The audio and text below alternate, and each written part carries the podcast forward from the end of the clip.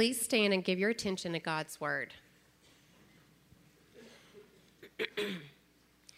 then Jesus entered a house, and again a crowd gathered, so that he and his disciples were not even able to eat. When his family heard about this, they went to take charge of him, for they said, He is out of his mind. And the teachers of the law who came down from Jerusalem said, He is possessed by Beelzebul. By the prince of demons, he is driving out demons. So Jesus called them over to him and began to speak to them in parables. How can Satan drive out Satan? If a kingdom is divided against itself, that kingdom cannot stand. If a house is divided against itself, that house cannot stand. And if Satan opposes himself and is divided, he cannot stand, for his end has come. In fact, no one can enter a strong man's house without first tying him up. Then he can plunder the strong man's house. Truly, I tell you, people can be forgiven all their sins and every slander they utter, but whoever blasphemes against the Holy Spirit will never be forgiven. They are guilty of an eternal sin. He said this because they were saying he has an impure spirit. Then Jesus' mother and brothers arrived. Standing outside, they sent someone in to call him.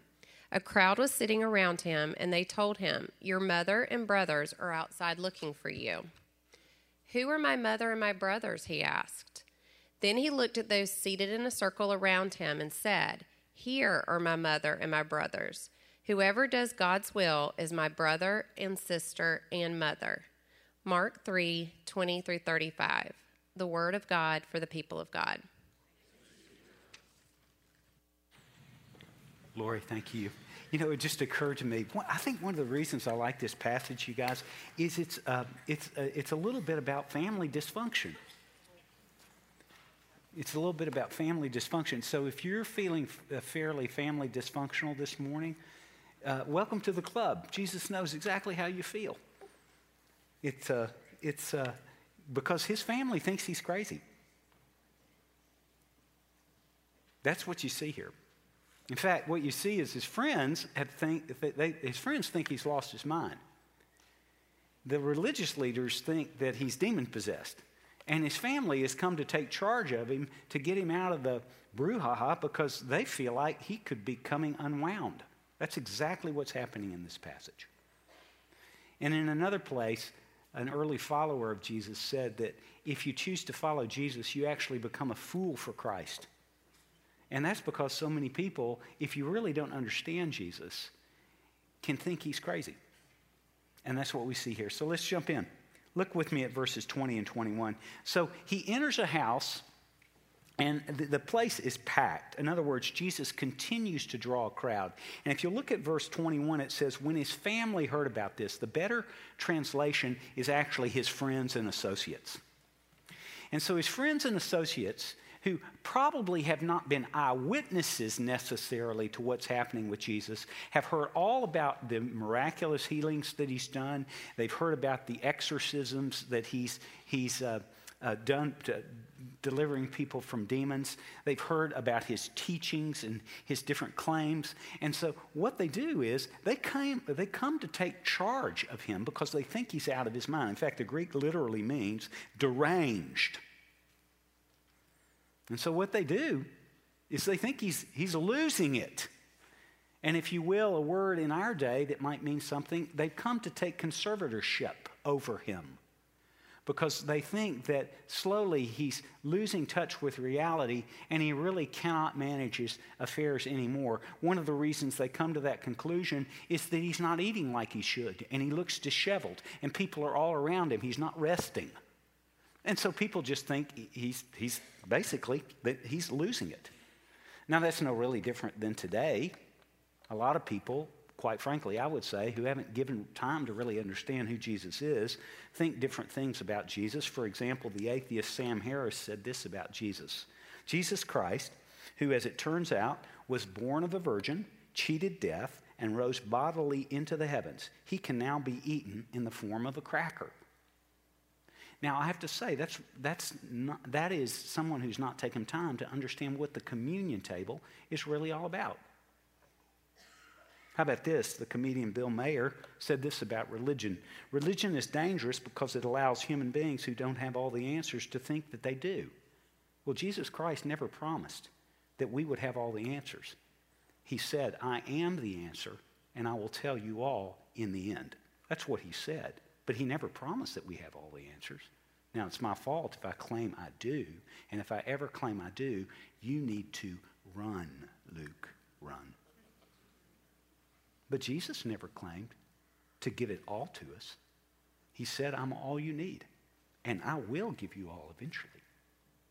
But people think that Jesus is crazy for all kinds of different reasons. The Apostle Paul noted that when you become a follower of Jesus Christ, this is what could happen. If we're out of our mind, as some say, it's for God. If we're in our right mind, it's for you. For Christ's love compels us because we're convinced that one died for all and therefore all died. And he died for all that those who live should no longer live for themselves, but for him who died for them and was raised again. Why did he say that people would think we're out of our minds? Because we believe that a man was raised from the dead. I know it sounds crazy every time I think about it. I have to, men and women, I've got to tell you, I go through crisis of, of faith regularly. I have to read the gospel over and over and over and over and over because faith comes by hearing the word, and I can't stop hearing it or I lose my faith. But every time I read, early in the morning, on the first day of the week, something in my heart swells. Is it really true that there's life beyond this one? Is it really true that there is somewhere over the rainbow? Is it really true that all that's wrong now will be made right? Paul says if you believe that, you're going to be a fool for Christ. Our dedication to Christ, he says, makes us look like fools. But then a young missionary, 60 years ago, who went and died in South America to witness to Jesus Christ said this He is no fool who gives what he cannot gain for that which he cannot lose. When you sacrifice your life in this life for the Lord Jesus, Jesus promises, promises to give you life everlasting and a life that you could not even imagine. That's the promise that Jesus makes to us. And so, if you choose to follow the Lord Jesus, just as these people thought he was deranged, people in your day and mine will think that we're deranged. Here's my prayer for us Lord Jesus, help me be less concerned about what they think about me and more concerned about what they think about you. My problem is, I care more about what people think about me than what they think about Jesus.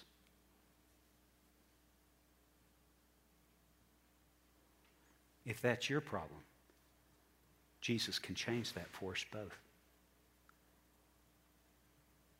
People think he's crazy.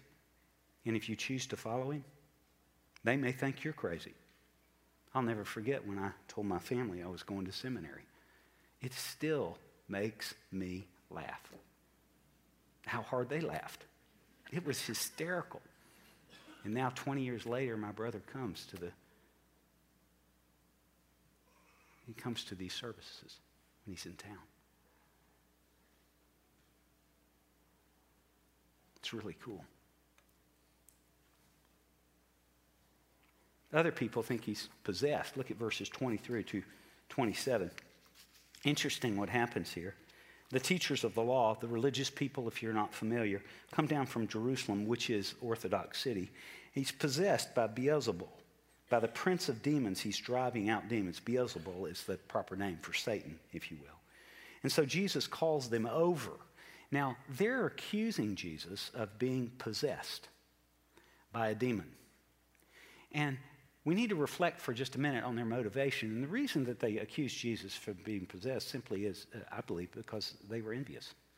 I don't know if you struggle with envy, I do. But they were envious of Jesus. I mean, he was drawing crowds with incredible, incredible power. His teaching was that as one who had authority, not like the teachers of the law. He was doing miracles that they never even dreamed about.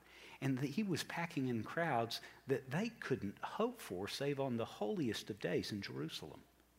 And so I think there was much, much envy going on for them. Let me give you a definition of envy if you struggle with it like me. Envy, listen to this. Envy is a form of slavery. It dooms us to a life of wanting what we will never have satisfaction with what is already yours. Envy takes our eyes off the blessing God gives us and the joy God has for us with the seduction that maybe we could find more than God offers us. That's what envy does. It's a seduction. I don't know if you ever saw the movie Amadeus. Amadeus is the middle name for Mozart. There's a great movie called Amadeus, and here's the story. Salieri is the court composer to the king over in Europe, and he's a good composer, and he would compose, um, he would compose um, uh, symphonies and, music for the king, and the king would like it. And the king, he, he came in, Salieri came in one day, and he'd taken a few notes and he'd composed a, a rudimentary a piece of music, and it was really good. It was really good. Well, in comes this young, infantile uh, boy named Mozart. And he comes in and he sits down at the same piano that Salieri has just gotten up from, and he takes the same piece of music and plays what you would have thought the angels had written. Same melody, but a completely different work. Needless to say, Salieri was filled green with envy, as they say. The king practically fell over the piano, salivating for the great work that Mozart had done. Salieri retired to his room and prayed this You choose for your instrument a boastful, lustful, smutty, infantile boy.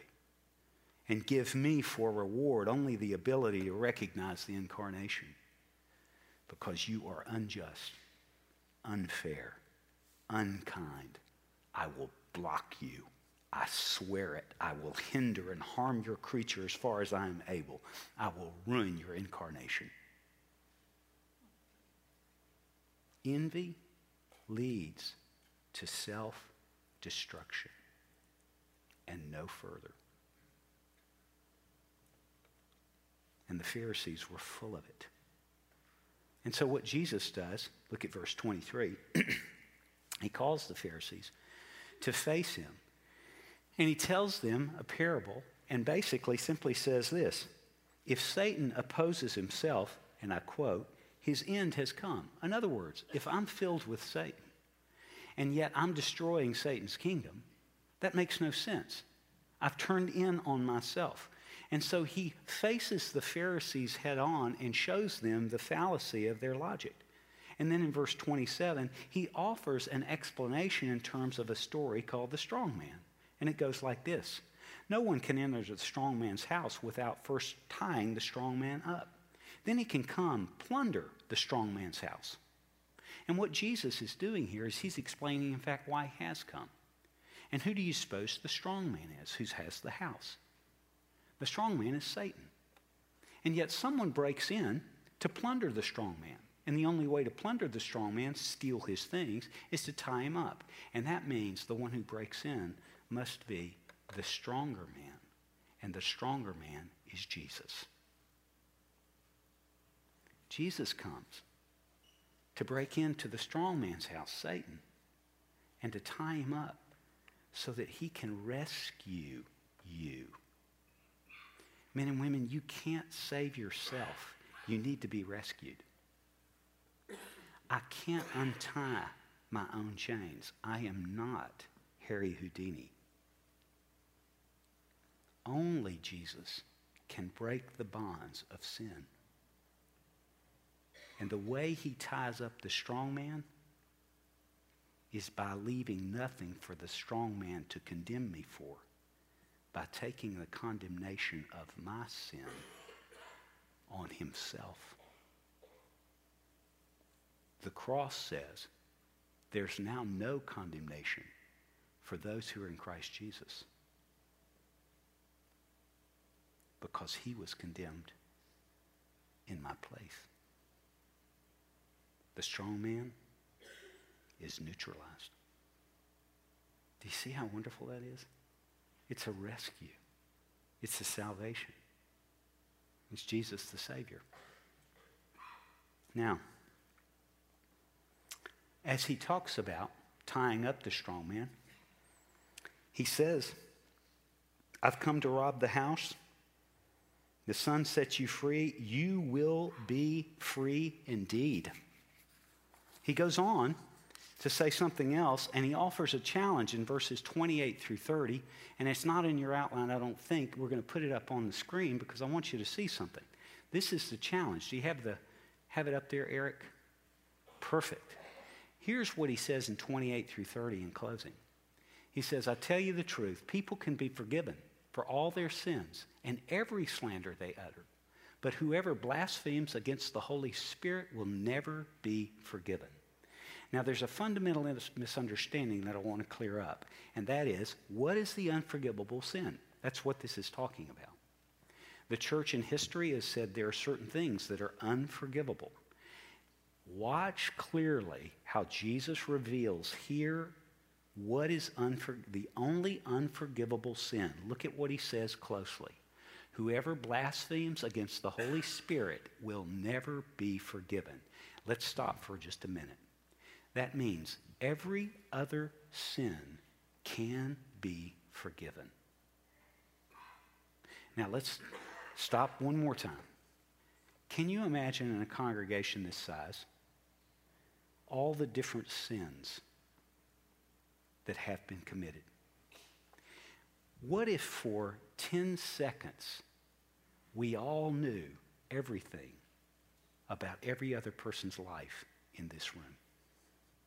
What would you do?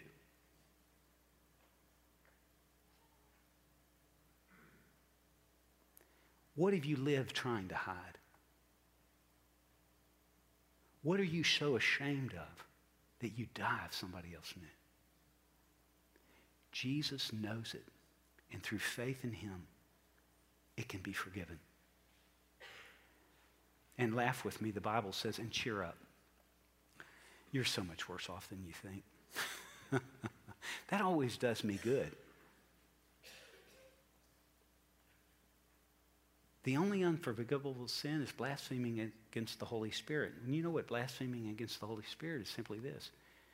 When the Holy Spirit comes to reveal to you that Jesus Christ has lived, he's died on the cross, he's been raised again from the dead, if you place your faith in him, you're forgiven of your sins. When the Holy Spirit reveals that to you as he just did now, as I spoke it, if you choose to reject Jesus Christ, if you choose not to ask for forgiveness, you will not be forgiven. That's the only unforgivable sin, not asking for it. It's absolutely free to you, not free to Jesus. He paid with his life because you're that valuable. Now he calls you to ask him to forgive you and to trust him for it. If you choose to reject forgiveness, it will not be forced on you. That's the only unforgivable sin. I urge you, if you have not asked Jesus Christ to forgive you of your sins, I urge you this morning to do that. Don't wait. Today is the day of salvation. He will forgive every one of your sins, past, present, and future, no matter how bad you are. And you say to me, Carter, you don't know how bad I am. I don't need to know how bad you are. Jesus knows. And the cross proves it.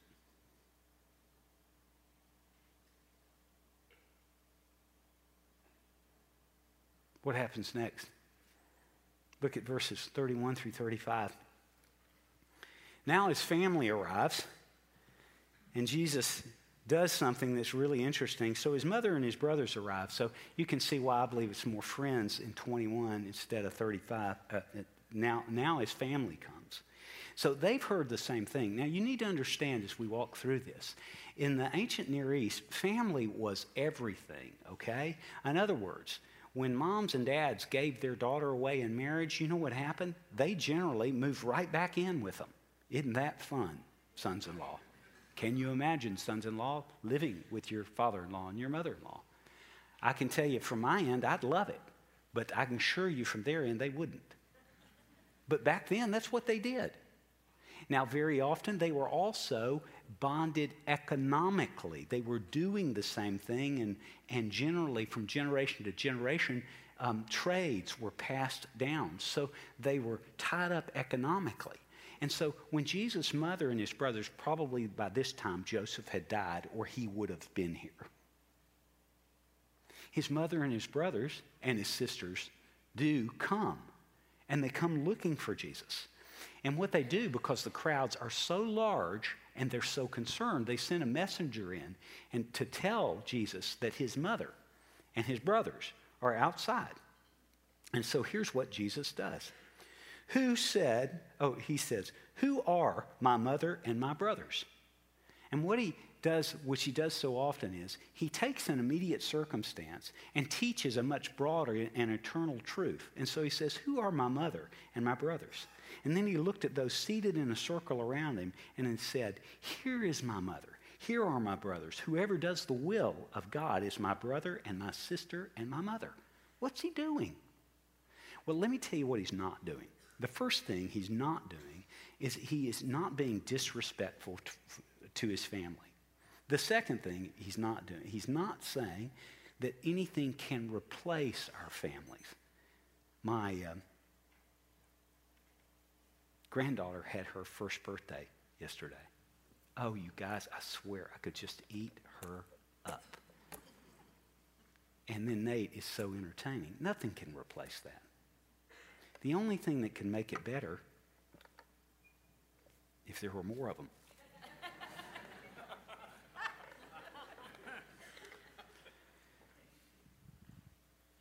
Do you see what Jesus did? Here are my mother my brothers and sisters. And he spread his hands over the whole crowd. You know what he did? He took the nuclear family that we love so much and made it so much bigger.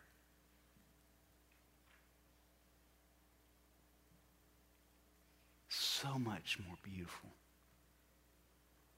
Imagine the perfect family, there's no dysfunction. Siblings get along with each other. Parent and child love each other. Parents have a happy relationship. Imagine that. And if you can imagine that, then imagine a number too numerous to count. And you've just defined family that will go on forever in eternity. Jesus came to start a new family because he's the Son of God. And when he came as the Son of God, to reconcile us to God. God became our father, and Jesus became our older brother, and we all just got related. Every one of us. And so look around you. Welcome to the family. Your family just got broadened. What a joy it will be to the greatest taste that you've had of your family, and you know how much you love your family. I know some of you are sending children off to college. They're dying to go, and you're not so sure. Well, the reason they're dying to go is because you've raised them well. You know it's going to be great. They're going to want to come back and visit. But what Jesus came to do is to do away with the separation, to make it eternal, and the relationship's perfect. Here's my mother, my brothers, and my sisters. How beautiful is that? What a joy. Let me close by saying this. There was uh, probably six, seven um, Christmases ago. Christmas was on um, on um, Sunday. Yeah, it may have been 10 years ago. I can't remember. But Christmas was on a Sunday. So, what do you do as church people? I mean, you, I work at a church. What do you do? Well, some churches in town decided that they were going to put up billboards, and the billboards said, Stay home, stay home with your family. We're closed today. No! Come! Be with your family. We're open today. And this is a foretaste of what it's going to be like forever. Except it'll be perfect then. This is just a taste in our best moments. But come so we can look forward to in all eternity. So, Jesus, he's either crazy possessed, or the Son of God calling you family.